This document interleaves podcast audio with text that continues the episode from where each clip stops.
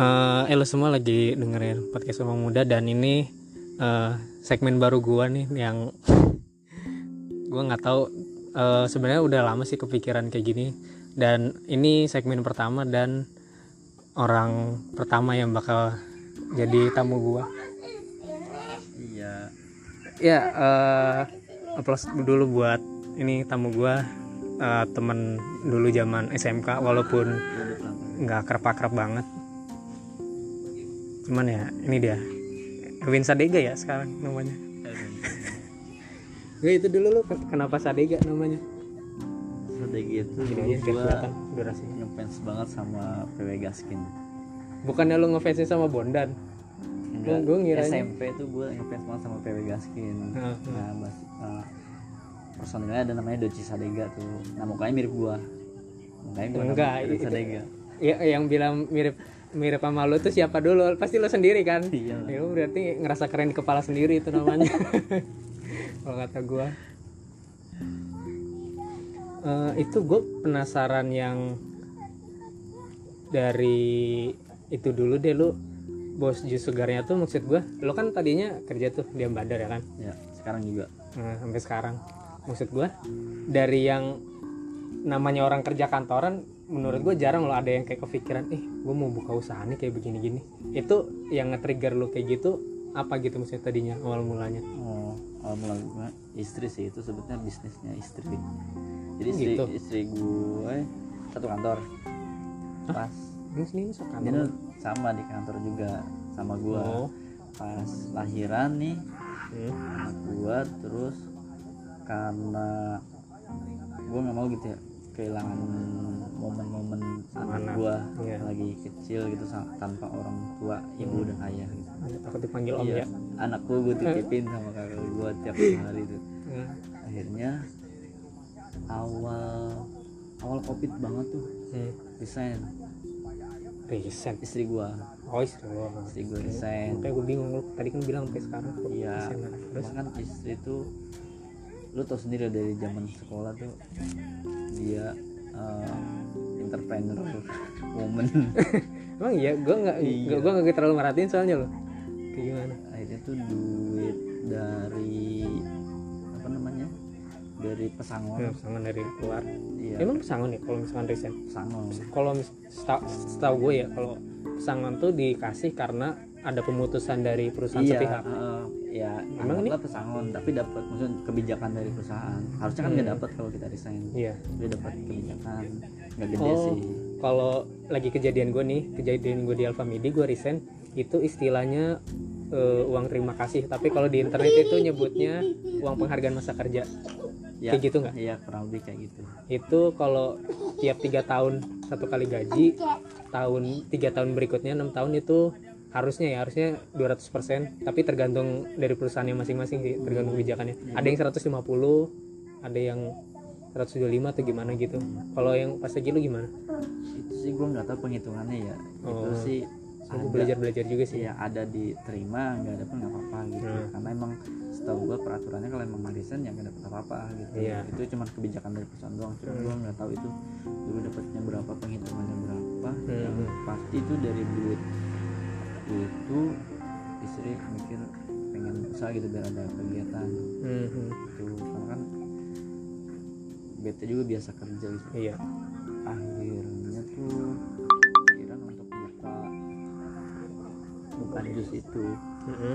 buka jus terus juga nyari yang paling susah awalnya nyari tempat dulu sih eksperimen eksperimen jus gimana iya. Alhamdulillah tuh diarahin ke itu tuh ke Ke mana? yang di depan pesantren itu Hmm. yang awal gua opening. Itu yang ngarahin siapa? Allah kali ya. Anjing berat banget langsung. Raja terakhir di bawah dong. soalnya ini gue udah survei berapa tempat gitu ya. Bahkan ada yang udah gue DP-in oh, oh. ada yang gue udah DP-in oh. terus dihitung-hitung eh, harus butuh renov segala macem. Iya, apalagi kondisinya kan lu kayak orang ya kerjanya maksudnya pergi pagi berangkat apa pulang Iya, sore ya kan. udah gitu Jadi lu kan. kelimit waktunya. iya udah gitu kan ini kayak duit ini ya duit harus bener-bener balik Hmm. nih nggak Hmm. bisa yang gue usaha terus nggak jalan nih itu gue pasti stres banget sih iya gue gimana caranya nih duit segini harus balik gitu ya iya tapi gue salut tuh sama orang-orang yang kayak punya mindset kayak udah nih nggak apa-apa gue pakai dulu aja. Nanti kalau misalkan kayak masalah apa namanya nggak jadi udahlah itu anggap aja di pengalaman gue gue salut sama orang-orang kayak gitu loh. Gue juga kalau jadi lu sama sih gue juga stres. Gambling banget soalnya. Iya emang gambling. Bener-bener gambling duit segitu gitunya hmm. ya walaupun gue kerja gitu ya Hmm. kerja duit kerja itu emang untuk kebutuhan Sehari-hari lah. sehari-hari gitu ya. Hmm. itu benar-benar gambling tuh sampai gue dapet ruko udah di DP-in Hmm. cuman masih kurang serak ya akhirnya keliling-keliling dapatlah di situ di Sawangan tuh depan pesantren. Hmm. itu alhamdulillahnya tuh hari pertama gue opening Hmm.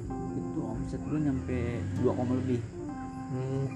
Ar maksudnya 2 koma lebih itu dalam satu hari? Satu hari opening. Oh ya grand opening ya? Grand opening itu Hmm, gue hampir dapat dua lebih. Terus berjalan lah sebulan. Kalau nggak salah tuh sebulan atau dua bulan gitu gue udah balik modal oh hmm, hmm. ada balik modal dan ternyata kenapa gue bilang itu Allah yang ngerahin ke situ Hmm. setelah tiga bulan ruko yang tadinya yang udah gue DP-in cuk Hah? itu hancur ketimpa pohon lu bayangin kalau misalkan gue jadi buka di situ dengan duit segitu gitunya Hmm. baru tiga bulan apa dua bulan itu Hmm. itu ruko ambruk Hmm. kenapa gue bilang itu diarahin tuh sama Allah Hmm. dan kalau misalnya itu ambruk ya yang gue takutin tadi tuh Hmm. kejadian iya kejadiannya gambling duit gambling itu Hmm. akhirnya tuh dari tiga bulan tiga bulan apa enam bulan gitu gue buka cabang Hmm. sampai satu Ayah, dua tahun itu gue punya ayah, lima ayah cabang hidup yang lama. iya gue punya lima cabang dulu Hmm. Jadi gue juga ngeliat tuh tadi di Google Map gue ngetik bos jus seger, kok banyak amat ini gue. alhamdulillah cuman emang nggak ada yang ada yang mulus ada yang enggak Iya. gitu setiap emang bener setiap kita buka mau buka cabang tuh analisa untuk tempat itu penting banget Iya. nggak bisa kita cuman ada ruko kosong nih Iya. Tempatin nggak bisa. Iya, kecuali brand kita udah sekuat Mixu kali ya Hmm.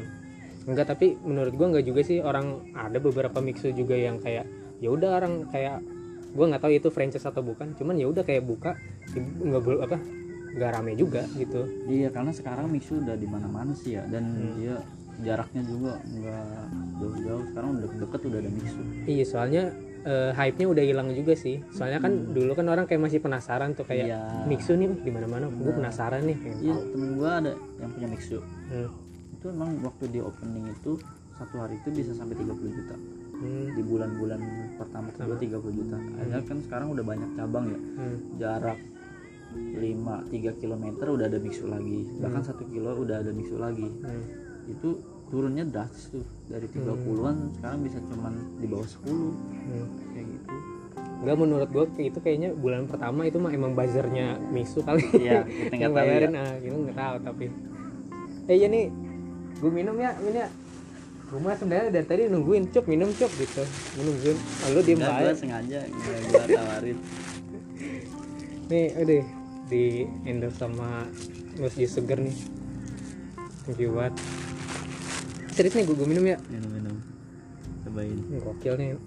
Gue udah pernah beli lagi tuh yang di yang apa depan pesantren yang lagi tuh pernah ya pernah kan lagi tuh gue ngefoto ke lu anjir jangan jangan gara gara gara gara lu beli ya jadi yang di sana jadi Enggak lah. sepi ya kan lo yang bilang kata lo ada kebijakan Oh, iya. gitu iya gua spekulasinya jadi ke situ gara-gara lu beli anjir hmm. Ayah, apa itu tanaman roket. Itu tanaman suruh roket. oh iya yang gue penasaran tadi kan kata lu eh, hari pertama yang di pesantren hmm. Itu kan lumayan rame. Ya harusnya mau nggak mau bahan baku harus selalu ready dong. Iya. Nah itu gimana? Apa emang emang udah lu lepas ke karyawan lu aja atau lu juga ikut pusing nih kayak ikut hektik aduh gimana nih nyari stoknya gini-gini atau gimana? Kalau stok? Pas lagi momen itu. Stok jelas gua yang yang handle juga? yang handle stok gua. Jadi karyawan itu tahu untuk Udah tinggal jualan aja jualan gitu. aja ya? kalau stok gua full gua yang ngurusin sama istri. Hmm. itu mulai bahan baku buah Hmm. terus krimnya juga. Ditambah juga kan sekarang bahan baku kita utamanya kan buah itu. Hmm, apalagi buah buah buah lokal gitu ya. Hmm, itu harganya fluktuat fluktuatifnya parah banget. Iya. Lu bayangin aja. Musim-musiman sih ya. Mangga kalau lagi musim itu bisa sepuluh ribu Eh, ceban juga dapat ya. sekilo. bahkan lima belas ribu dua kilo dapat hmm, kalau lagi nggak musim. Tiga puluh ribu aja susah barangnya. Iya. Itu hmm, naga juga sama tuh. Pokoknya buah-buah lokal tuh susah banget ya iya. Harus nunggu musim dulu. Iya soalnya kan nggak harus buah sih. Ya yang lainnya juga kan tergantung kalau lu nggak bolos belajar ini PS supply and demand kan dari situ gue gue juga kagak belajar sih cuman Iya. gue tau taunya dari internet tuh supply tapi and demand kita nggak bisa ini ketika buah naik kita nggak bisa main-main ah Ayah. jus gua juga harus naik gitu. Hmm. Nah, nah. itu buat mobil ya. iya nah itu lo kan udah gitu itu lo ngakalinnya gimana kalinya jadi pas musim Ayah beli ya itu. panen itu musim buah yang banyak Hmm. buah lokal ri- buah stok hmm. buah Ayah. stok yang banyak Ayah. buah bukuin Ayah. apa Ayah beli. iya gua bukuin tuh Hmm. nanti ditambah sama yang fresh Hmm. karena jadi kalau misalnya pakai fresh full Hmm. itu jebol iya ini cuman soalnya kan kadang iya ya sebenarnya potongan-potongan yang ini loh yang iya itu harus fresh itu harus fresh maksudnya gue tuh kayak gitu Hmm.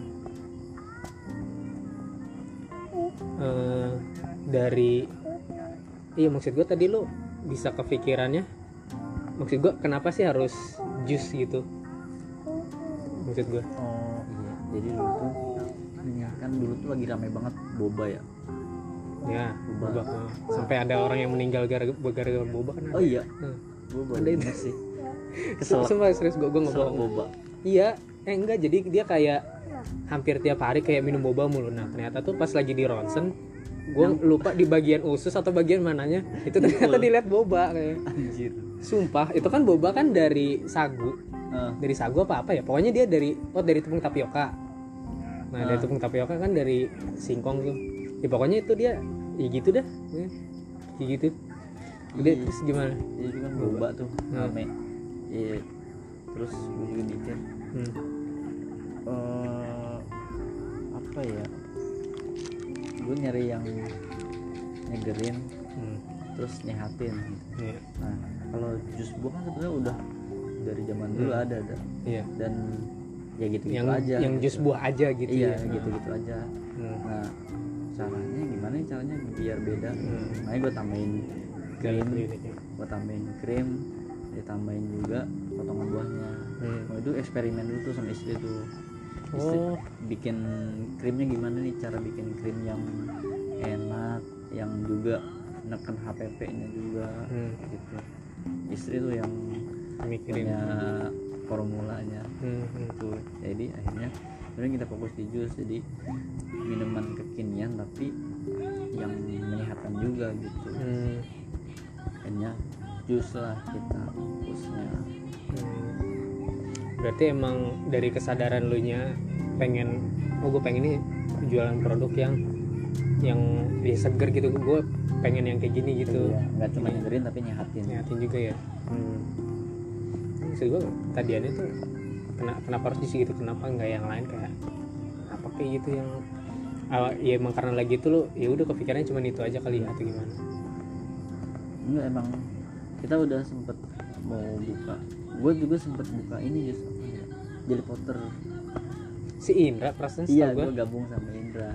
Hmm. terus? Join, join sama Indra. Hmm, cuma itu kan franchise ya. Iya. Nah gue lagi nyari caranya gimana. Gue punya gue punya ini sendiri. Brand sendiri. Punya brand sendiri. Kalau franchise kan kita nggak gedein brand orang ya Iya. sama aja. Hmm. kita bayar lebih mahal kalau nggak salah tuh waktu itu Jelly Potter tuh di angka 15 ke 20 juta gitu franchise-nya oh untuk start mau bukannya untuk start mau bukanya Hmm. nah gue pikir juga kalau misalnya gue punya duit 20 juta Hmm.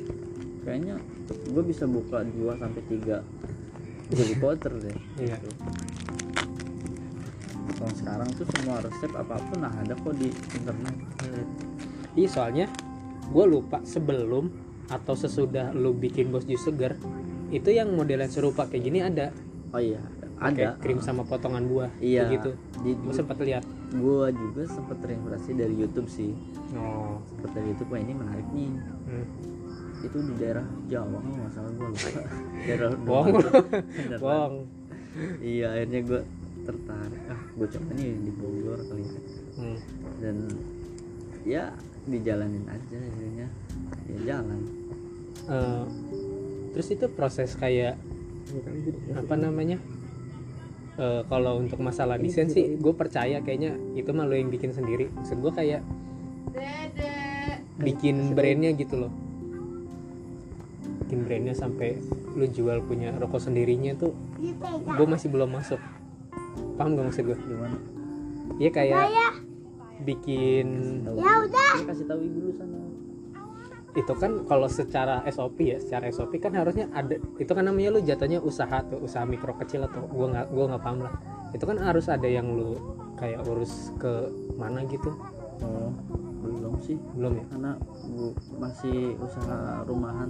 Cuma- iya berarti cuman kayak ya udah lu bikin terus nyari lahan terus nyari karyawan udah jadi udah gitu aja berarti ya? Iya. sesimpel itu ya?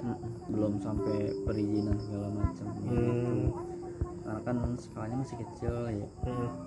ini soalnya kan jatuhnya kan udah brand gitu yang ada di kepala gue ya harusnya Oh, daftar Iya, merek, eh, harus daftar gitu. merek apa segala macam. Soalnya kan gue tahu lu juga di Ambadar juga kan. Ya mungkin gue mikirnya, oh orang dalam nih kata gue jangan-jangan. Makanya jadi kayak nggak repot gitu. Gue mikirnya gitu. Eh, ini merek gua udah terdaftar kok Oh.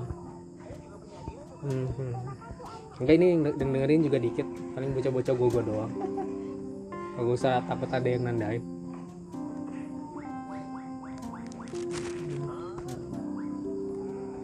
Nah, eh,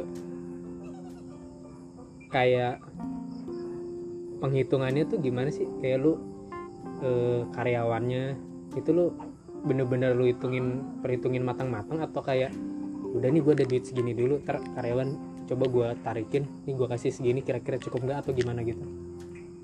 Apa emang bener-bener lu hitungin perhitungin matang-matang gitu?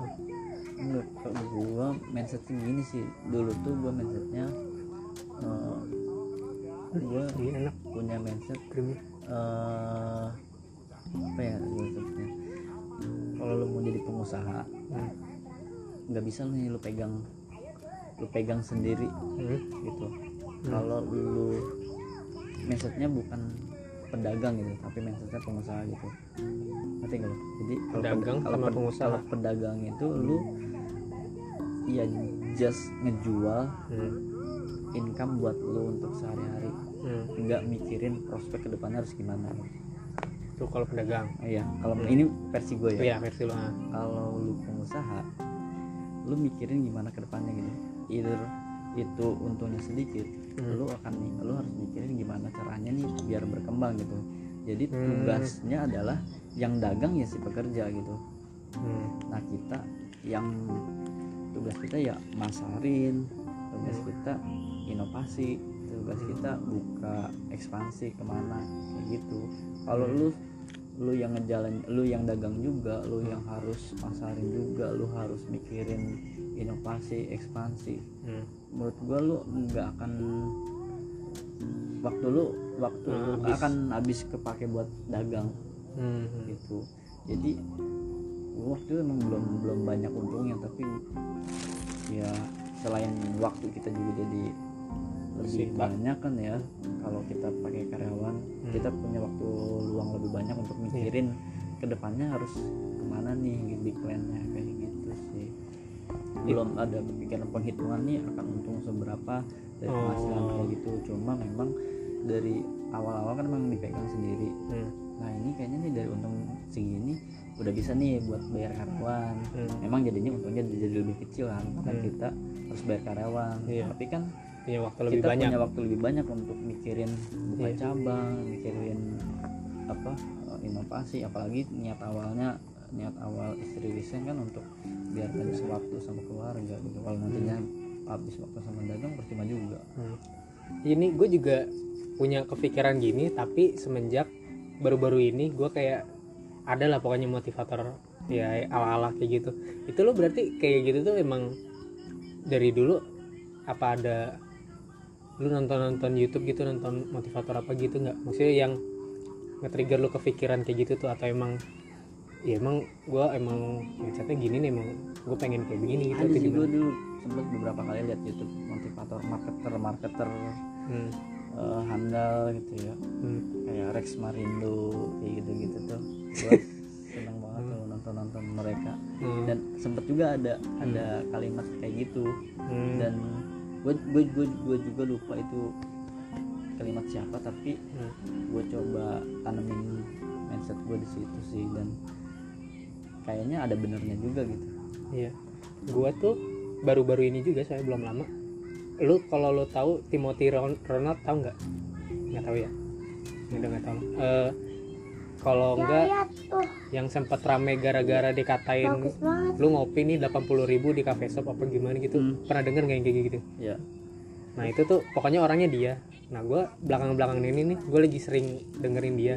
Nah itu tuh yang tadi yang keluar dari mulut lu tuh salah satunya kayak kalau misalkan lu mindsetnya apa tadi pengusaha ya yang punya banyak waktu. Hmm. nah ya kalau pengusaha tuh itu lu walaupun lu kayak ngebayar orang tapi lu punya ba- luang banyak waktu. Ibaratnya dulu tuh gue nggak kepikiran ke situ. Nah semenjak gue dengerin dia oh iya nih ternyata ada benernya juga dia ngomong kayak gitu ya. Hmm. selain lu apa namanya bantu rezeki orang juga iya. ibaratnya itu kan juga pahala juga terus juga jadi kebaikan lo sebagai seorang manusia gitu. Iya. Ada bagusnya juga kata dia. Setuju kata gue nah makanya gue kayak ke sini sini nih gue baru kepikiran. Kata gue nih gimana caranya ya? Usaha keripik bapak gue nih syukur-syukur gitu ya. Kayak lu gitu gue gue nggak perlu turun ke lapangan gitu. Ya, tapi kalau kayak nyari bahan baku masih kayak lu yang nyari gitu. Apa lu udah udah ada masih sekarang? masih, masih cuman kalau sekarang eh, udah dikirim sih. Terus kan dikirim? Udah kirim Oh, berarti lu udah ada pelanggan tetap suppliernya gitu ya? Supplier udah ada tapi ada juga yang harus kita harus ke sana. belanja dulu di pasar kayak gitu. Ada yang Hmm. rutin ngirim ada. Iya maksud gue kayak gue juga keripik bokap gue kan kadang kayak kalau mau nyari bahan ke Bogor terus gue kadang nanya sama bokap gue kenapa enggak ini aja kayak kalau misalkan udah serak nih sama orang ini ya udah tinggal kontak-kontakan aja Nah, gitu. itu dia. Kita sebenarnya gini cuy ya itu tadi sih mentalnya pengusaha atau pedagang pedagang gitu. Iya. Ya memang ketika lo dikirim lo harus ngeluarin kos lebih gede untuk ongkos kirimnya nah, kayak gitu. Hmm. nah tapi yang kita beli itu adalah waktunya gitu. Hmm. ya lu nggak harus capek-capek harus datang ke Bogor. Lu harus cukup ngeluarin uang lebih untuk eh, dapetin bahan baku yang lu nggak perlu keluarin tenaga kayak gitu. Gitu Ngeluarin sih. waktu juga. iya. Jadi waktu kita bisa buat yang lain Hmm. kayak gitu. Apakah jadi nanti produksinya jadi lebih banyak atau apa gitu. Dan juga gue lebih milih belanja itu eh, dalam jumlah banyak gitu. Iya. Jadi yang harusnya lu tiap hari belanja ya lu bisa Nah, jadi juga lebih hemat juga. Iya jadi lu dua kali. Misalnya seminggu jadi dua kali kayak gitu kan. Dan juga kalau misalnya kita belinya beli banyak harganya juga bakal jauh lebih murah. lebih murah sih Cuk. Hmm. apalagi kalau produk lu kan ya. Kayaknya kuat dah bahan bakunya apa. Nah itu gue udah sempet ngobrol tuh sama nyokap gue kata gue kalau misalkan udah tahu apa namanya eh udah cocok nih harganya segini yaudah kenapa nggak di stok aja gitu iya Nah kalau nyokap gue sih bilangnya, soalnya kan yang ngerjain nyokap gue, ya istilahnya sama kayak buah bagian potongannya lo itu intinya harus fresh. Dia nggak bisa kalau misalnya kayak. Dijaga. ayah Hmm. kita mau beli bunga tuh yang ini yang yang baik Mm-mm. nanti biar dia kasih nama bibit oh iya bibit Nah makanya kalau lu perhatiin ya rasa keripiknya, ya emang, ya gue sih bukannya so ini ya maksudnya gue emang jauh lebih enak sih, lebih renyah. freshnya itu baru dicabut atau gimana tuh Kalau gue kan kemarin-kemarin kebetulan juga sering karena kemarin bokap gue kan sempat sakit tuh, Ah. ada sekitar dua minggu. Itu kan jadi gue yang gantiin mulu. tuh. belanja Hmm, gue yang belanja itu kalau gue nanya sama orangnya sih ngomongnya emang kayak tiap baru tiap hari turun jadi eh, misalkan nih ada yang dari Subang nih hmm. ngirim pakai truk eh, sekitar 5 ton. Nah ntar ya udah nih nyampe Bogor eh, entah itu udah ada yang mesen nih kadang dia juga kan nggak semuanya gitu kayak dilambarin semua. Ya udah paling udah ada yang mesen nih sekian dipisahin. Terus apa namanya nanti ada yang diamperin ya paling yang beli-beli ya yang kayak gua-gua gitu. Jadi tiap hari belanja? Iya. ya nggak nggak tiap hari banget sih. Ya tergantung pesanan soalnya kadang kan eh, ngeproduksinya juga makan waktu sehari. Kalau misalkan emang itu udah beres terus emang ada masih ada pesanan lagi ya gue ngejar ngejar stok lagi. Oh.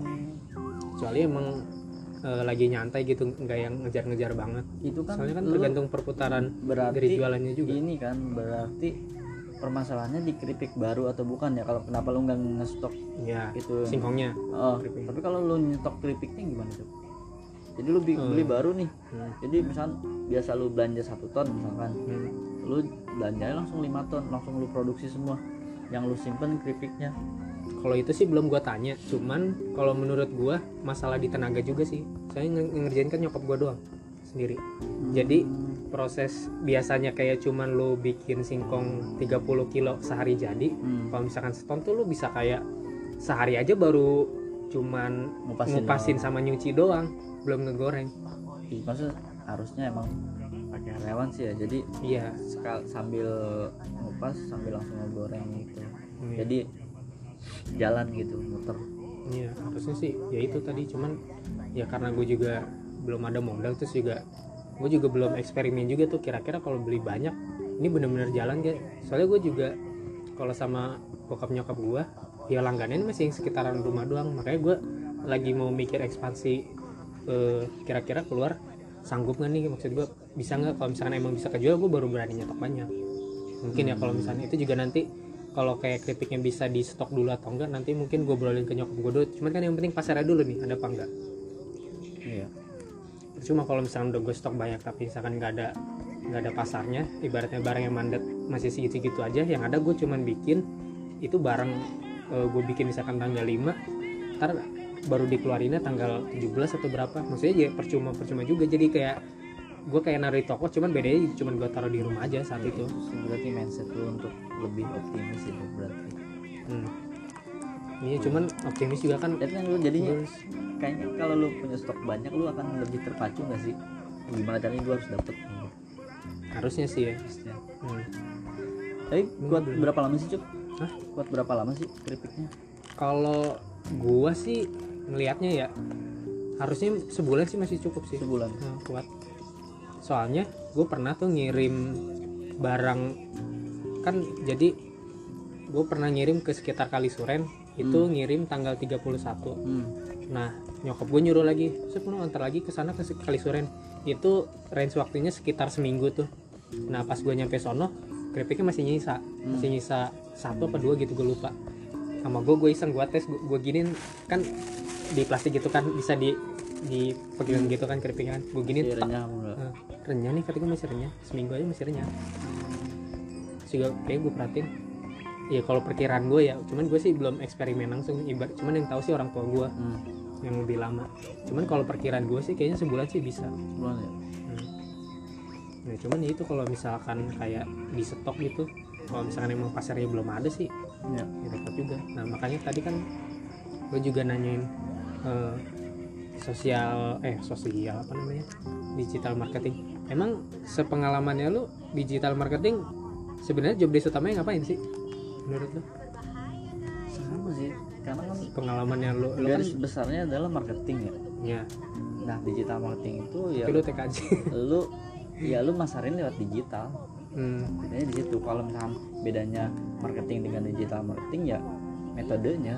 Kalau tujuannya sama penjualan. Tapi digital marketing bukan berarti barangnya harus digital juga kan? Ya enggak NFT gila. Enggak, tapi ada loh gue kemarin-kemarin ada yang kayak bilangin eh, oh ini nih jual barang produk digital menjanjikan apa segala macam. Gue gak ngerti produk digital. Kayak gimana lu? Paham nggak? Ya mungkin kayak kayak gimana? foto. Foto dijual. Eh ini di digital. Iya atau apa namanya? Bitcoin iya cuman maksud gue ya luas banget itu maksudnya Iya. jadinya yang Lebih enggak lah masa lu mau jual keripik keripik digital hmm. Aku Ayo. hmm, yuk. kayak lagi ada temen Ayam, bawa gini ayam dan tahu. oh nah di sana minum Ayam minum. oh di, di motor ada ada es teh tuh Ya minta tuh ambilin dong. itu tuh tuh motornya tuh ini tapi SOP makannya gimana sih SOP makannya. Iya. Nggak ada SOP makan sih sebetulnya. Terserah Nggak, lu. ser- serius maksud gua eh, emang lu nggak nggak kepikiran cuman ya udah nih jadi gini aja gitu. Soalnya nih kayak yang ini nih. Ini gua kirain tuh tadiannya krimnya bisa nyatu sama jusnya ternyata enggak iya lu atau emang sebenarnya harusnya bisa nyatu tapi? Enak, gua- gua- gua enaknya serius sih nanya. emang pakai sendok enaknya. Nanti kelama kelamaan ini krimnya tuh bakal ngentel sama si Jusnya. jusnya kalau lu aduk-aduk gitu. Hmm. jadi jusnya lebih kental sama lebih creamy. Hmm, iya soalnya yang gua tungguin itu dari tadi kayak gitu cuman ini belum gitu. Berarti diaduk-aduk ya.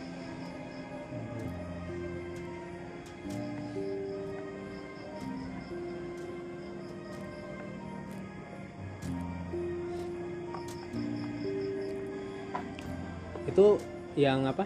Produk lo yang baru es teh sama kayak bos jus sugar maksudnya dalam artian lu branding sendiri atau Branding gimana? sendiri.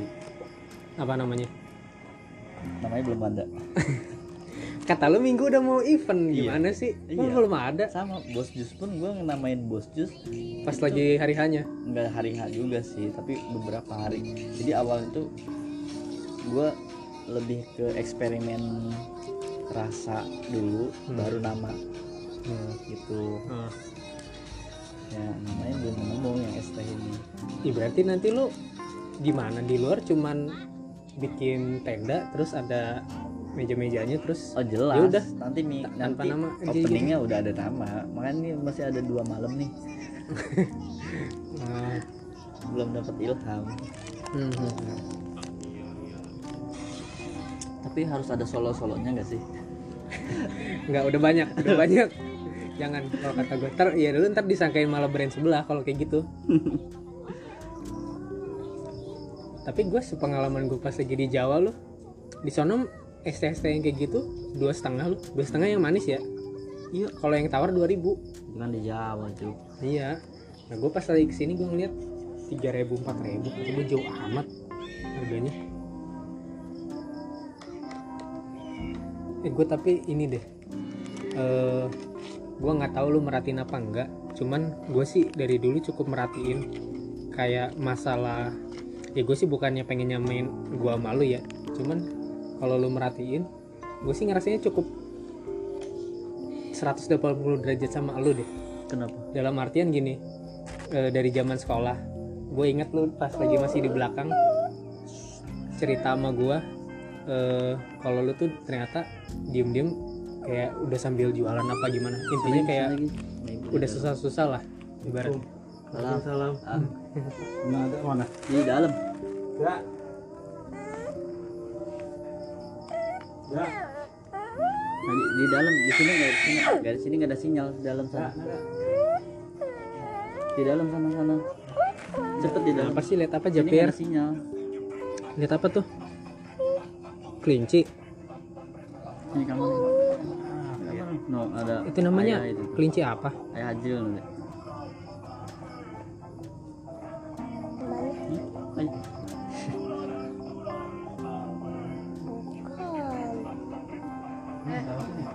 satu-satu. ya jadi ini yang marah-marah mulu nih bisa pulang nunggu-nunggu Yang? ini juga. Bagus, bagus. Iya, anak si Malu dua cewek. rusak Ipon. HP-nya. Si Pina. Si Pina itu baca dari ngajar. Dia ngikut. Japir pinjem dong HP-nya boleh nggak ntar dulu nih ayah pinjem. sinyalnya Jul. Jul ini.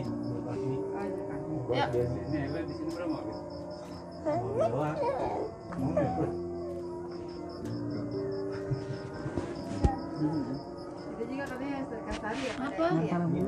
ya. Makanya tadi kan nyari sono. eh kan gue nggak salah nyebutnya gue ngomong-ngomong salah salah harus sabar deh kalau nonton kenapa sih nggak jalan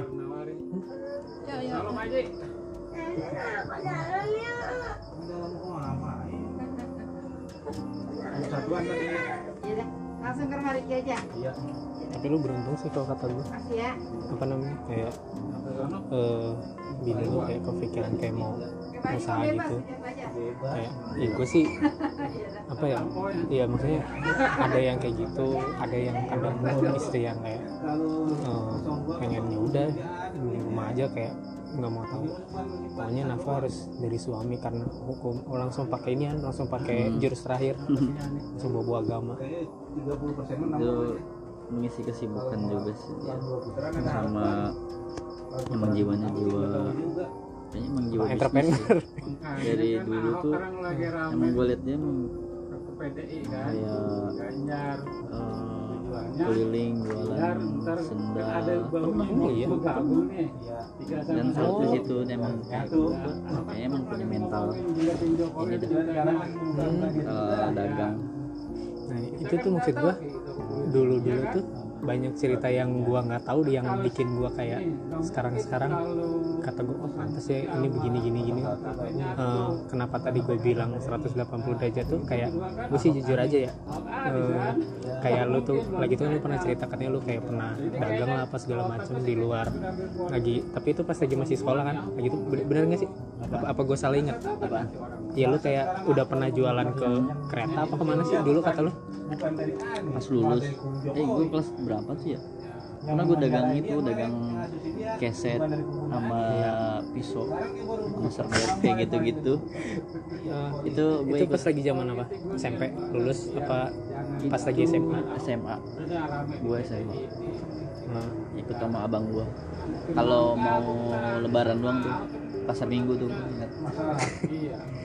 oh enggak berarti intinya ya itu pas di CB kan maksudnya? CB.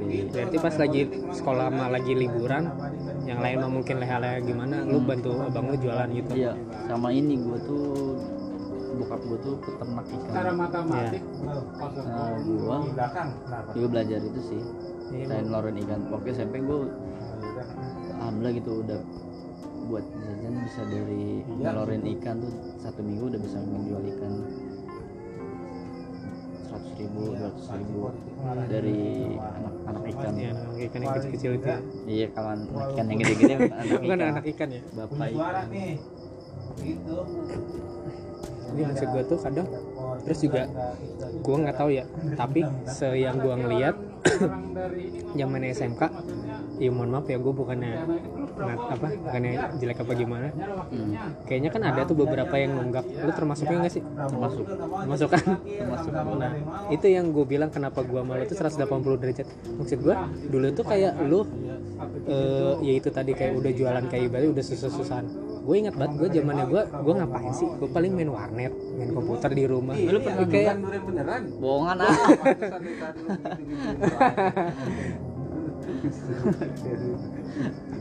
kadang lu ah pantesan kata gue nih. Ah, lu ah.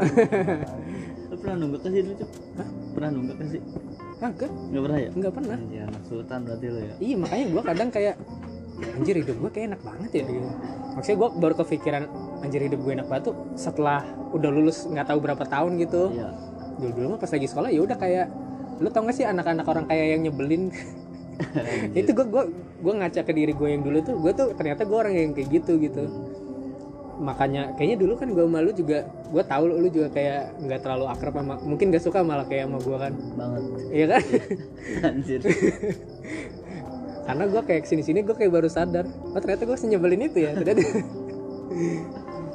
Jadi mungkin itu salah satu pembelajaran dari orang tua juga kali ya. Iya. Sebenarnya nunggak itu bukannya karena disengaja gitu Eh, karena Tapi mungkin ada karena nggak mampu. lain enggak mungkin ada prioritas lain yang harus di Iya. ya udahlah ini dulu ya gitu sekalian juga buat belajar ke kita untuk punya jiwa apa ya kalau orang Sunda ngerasain bilang merih ya. Hmm, pernah kayak ngerasa susah lah gitu iya jadi lu nggak boleh nikmatin terus lu nggak boleh keenakan nih jadi kalau last child Hah?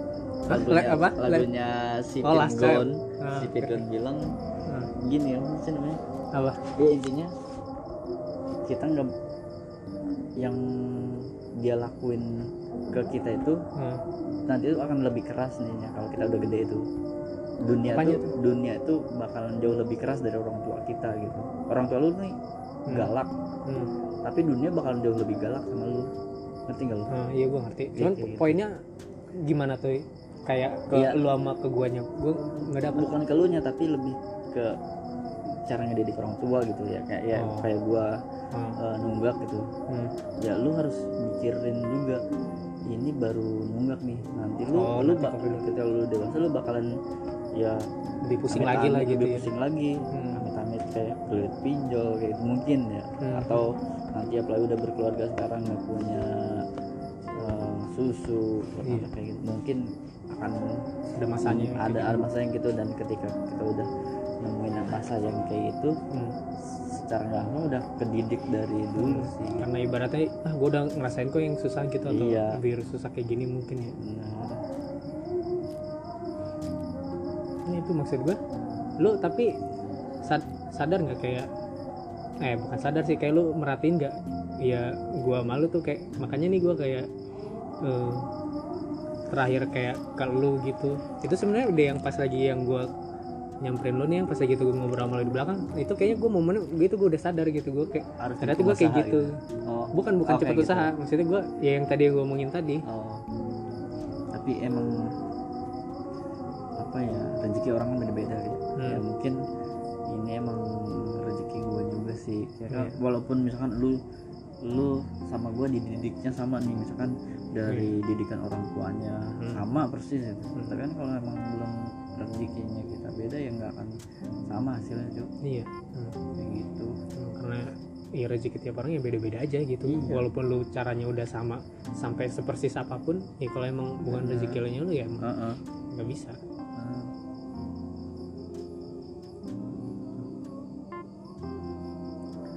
maksud gue tapi lu ya itu tadi ya, ya emang nggak penting diperhatiin juga kali ya. Cuman kalau misalnya kayak gue kan kayak gue merat gue merhatiin gitu. Gue kadang gue tuh suka merhatiin hal-hal yang nggak penting gitu kayak detail-detail kecil ya kayak tadi nih gitu. Gue kayak, kayak baru ngelihat oh, ternyata lu dulu gini gue gini gitu. Itu kayak gitu-gitu tuh gue kadang gue gue perhatiin perhatiin sama gue tapi lu masih ini nggak sih? Lu udah nikah tuh masih sering coli? Lu kan waktu sekolah paling terkenal lu Cuk.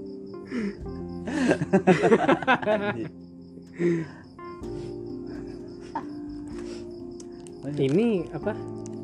Langsung loncat. Yang lain ngapa sih? Nggak kayak nggak ada bahasa yang lain aja. Kenapa jadi bahas Enggak, oh at- atau jangan-jangan lu ada perasaan lu juga ini ya? Lu semenjak nikah net enggak. Enggak gue nanyain. Gue penasaran aja sama orang yang dulunya sering. Hmm. sekarang udah nikah tuh gimana lebih sering apa? Ya. Apa dibantu sekarang? Ya kalau misalkan kayak dibilang sering sih enggak sih. Ya itu, tapi ber ya itu tadi maksudnya ya. Udah ada yang bantuin lah. Anjir. ya, harusnya sih frekuensinya berkurang lah. Nggak nggak sebrutal dulu. Iya. Podcast sendiri malah buka aib sendiri gimana ya? Gampang ntar bisa di edit dipotong.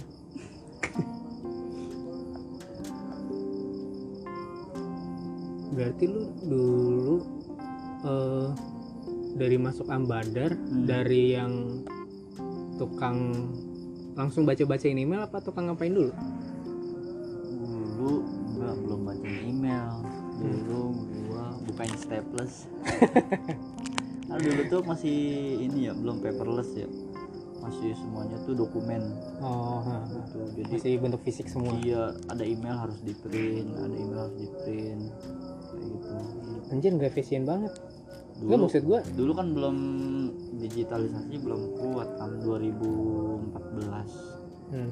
gue buka bukain staples dulu awalnya. Terus baru masuk eh, jadi admin untuk bukain email. Ya. Buka email distribusi email nah karena gua seneng desain. Hmm. setiap acara kantor tuh gue desain tuh. Ya gue ya desain. itu lu pernah cerita. Ya gue boy gue desain desain akhirnya sampai ke cium lah ke atas gitu. Dan sampai akhirnya eh, udah mulai rame juga kan digital Hmm. kayak sosial media website segala macam. Iya ya akhirnya perusahaan ngerasa perlu ada eh, orang khusus nih ini apa ya kayak kita harus aktif juga nih di sosial media kayak Hmm. gitu akhirnya gue ditarik ke dulu awalnya digital designer hmm. digital designer tugasnya ya masih Bikin sama, postingan ya? bikin postingan desain segala macam makin ke sini makin diper diper apa ya diperkuat gitu apa untuk harus nih ada digital marketing nih Hmm. kayak gitu lebih diseriusin lah kayak gitu kalau dulu cuman yang penting aktif nih di sosial media kalau sekarang lebih ke di di diseriusin nih digital marketing itu makanya ada staf digital marketing waktu itu gua Hmm. tarik untuk digital marketing ada lagi staf untuk digital designer ada lagi Hmm. kayak gitu itu tuh awalnya tuh. jadi awalnya dari hobi tuh dari desain Iya. Pas desain tuh gue sempat ikut pelatihan digital marketing dan ternyata gokil sih kalau mentor Oh. kalau mentor gue bilang tuh dulu eh, Kenapa? lu kalau bisa nguasain digital marketing udah bisa menguasai dunia lu bisa ngejual apa pun dia bilang tanpa lu Iya. harus punya produknya iya kayak gitu dan secara teori ya gitu. iya dan ternyata kalau gue lihat di YouTube YouTube banyak juga ya yang orang ternyata gokil kalau lu udah jadi master digital marketing tuh kayak Hmm. kayak gampang banget lah gitu. Eh, lu ngukur diri lu sekarang udah selevel apa untuk digital marketing tapi? Sampai apa ya? Gue juga belum gue kan belum kan ada nih beginner intermediate eh, expert master lah gitu nih. Taruh empat gitu. Gue nggak bisa ngukur diri sih. Gue Hmm. takut takut banget kalau gue gue udah bisa ini takabur. Takut takabur. Ya ya secara teori sih gue udah saya udah lumayan cukup paham untuk digital marketing cuma Hmm. memang belum semuanya itu gue praktekin dan itu secara dunianya luasnya udah paham lah ya? secara dunia keilmuan digital marketingnya ya alhamdulillah lah udah, udah cukup gitu Hmm. cuman memang dari segi prakteknya belum semuanya gue jalanin. Dan bahkan Hmm. kan yang expert pun ketika mereka udah paham banget banget banget digital marketing Hmm. setiap bidang kan beda-beda Iya, beda masalah strategi ya Hmm. beda strategi beda permasalahan itu kan yang yang nggak bisa ngejamin lu udah tahu ilmu digital marketing sampai udah hatam lah kitabnya Hmm. ya lu belum itu nggak bisa ngejamin 100% eh, bisnis yang lu jalanin atau Hmm.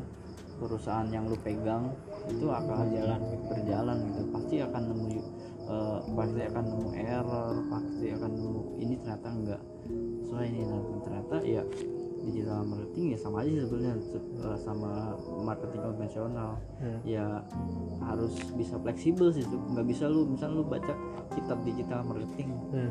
ini di di kitabnya harusnya seperti ini kayak gitu Hmm. tapi kan ternyata kenyataan di lapangan itu kan beda cuy iya iya. Dan lu harus fleksibel ketika di situ. Iya. ini gua nggak bisa nih kayak gini kayak gitu. Justru skillnya kelihatannya ya pas lagi ada hal-hal kayak gitu. Nah iya. Gimana analisanya segala macam. Di dompetnya di atas lemari. Eh di itu di celana hitam. Berarti tapi lu eh, proses dari digital designer tadi ya? Hmm. Dari digital designer lu dipercaya untuk ke bagian digital marketing itu? Eh, emang lu langsung ditembak ke sana atau emang lu sempat kayak lu sempat ikut-ikut kayak kelas-kelas berbayar gitu nggak sih? Iya. digital marketing gue gitu. sempet diikutin pelatihan digital marketing. Sempat diikutin tuh berarti emang dimodalin sama badannya iya. Oh. terus akhirnya itu juga yang jadi gue tertarik untuk digital marketing. Akhirnya gue ikut-ikut eh, webinar ikut-ikut eh, bootcamp mini mini course Hmm. digital marketing gue ikut terus Hmm. dulu tuh sempat juga ada digital marketing di kantor gua sebelum gua nah itu gua belajar dari dia di motor mau mana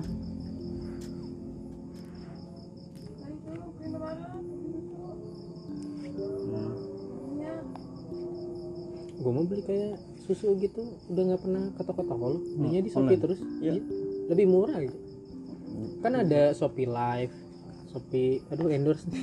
Nggak tapi serius lebih murah. Ongkirnya gimana? Ya, kan ada gratis ongkir Shopee mah. Oh, iya. ini lo kalau nggak percaya nih nanti gue bukain nih. Gue beli, lu beli pampers ukuran apa? L M. Udah nggak pakai pampers. Nggak pampers. ya udah maksud gue seingat lu deh terakhir. XXL. lu beli harga berapa? Lupa di atas gocap kagak merhatiin. Nggak merhatiin. Iya gaji udah dua digit sih. Iya. Iya sih susah sih. Jadi lu mau jalan.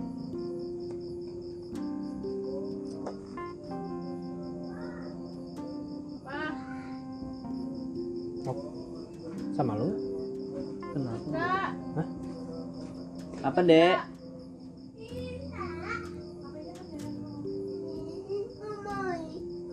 ikut ibu apa mau ayah sama ayah? Hah? jangan nangis ya udah jangan nangis satu oh ibu. itu ibu tadi.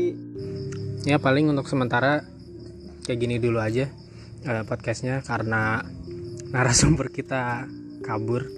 Eh, nanti sih masih balik lagi. Nanti kalau misalkan jadi bakal gue bikin part keduanya. Kayak gitu aja. Thank you. Deh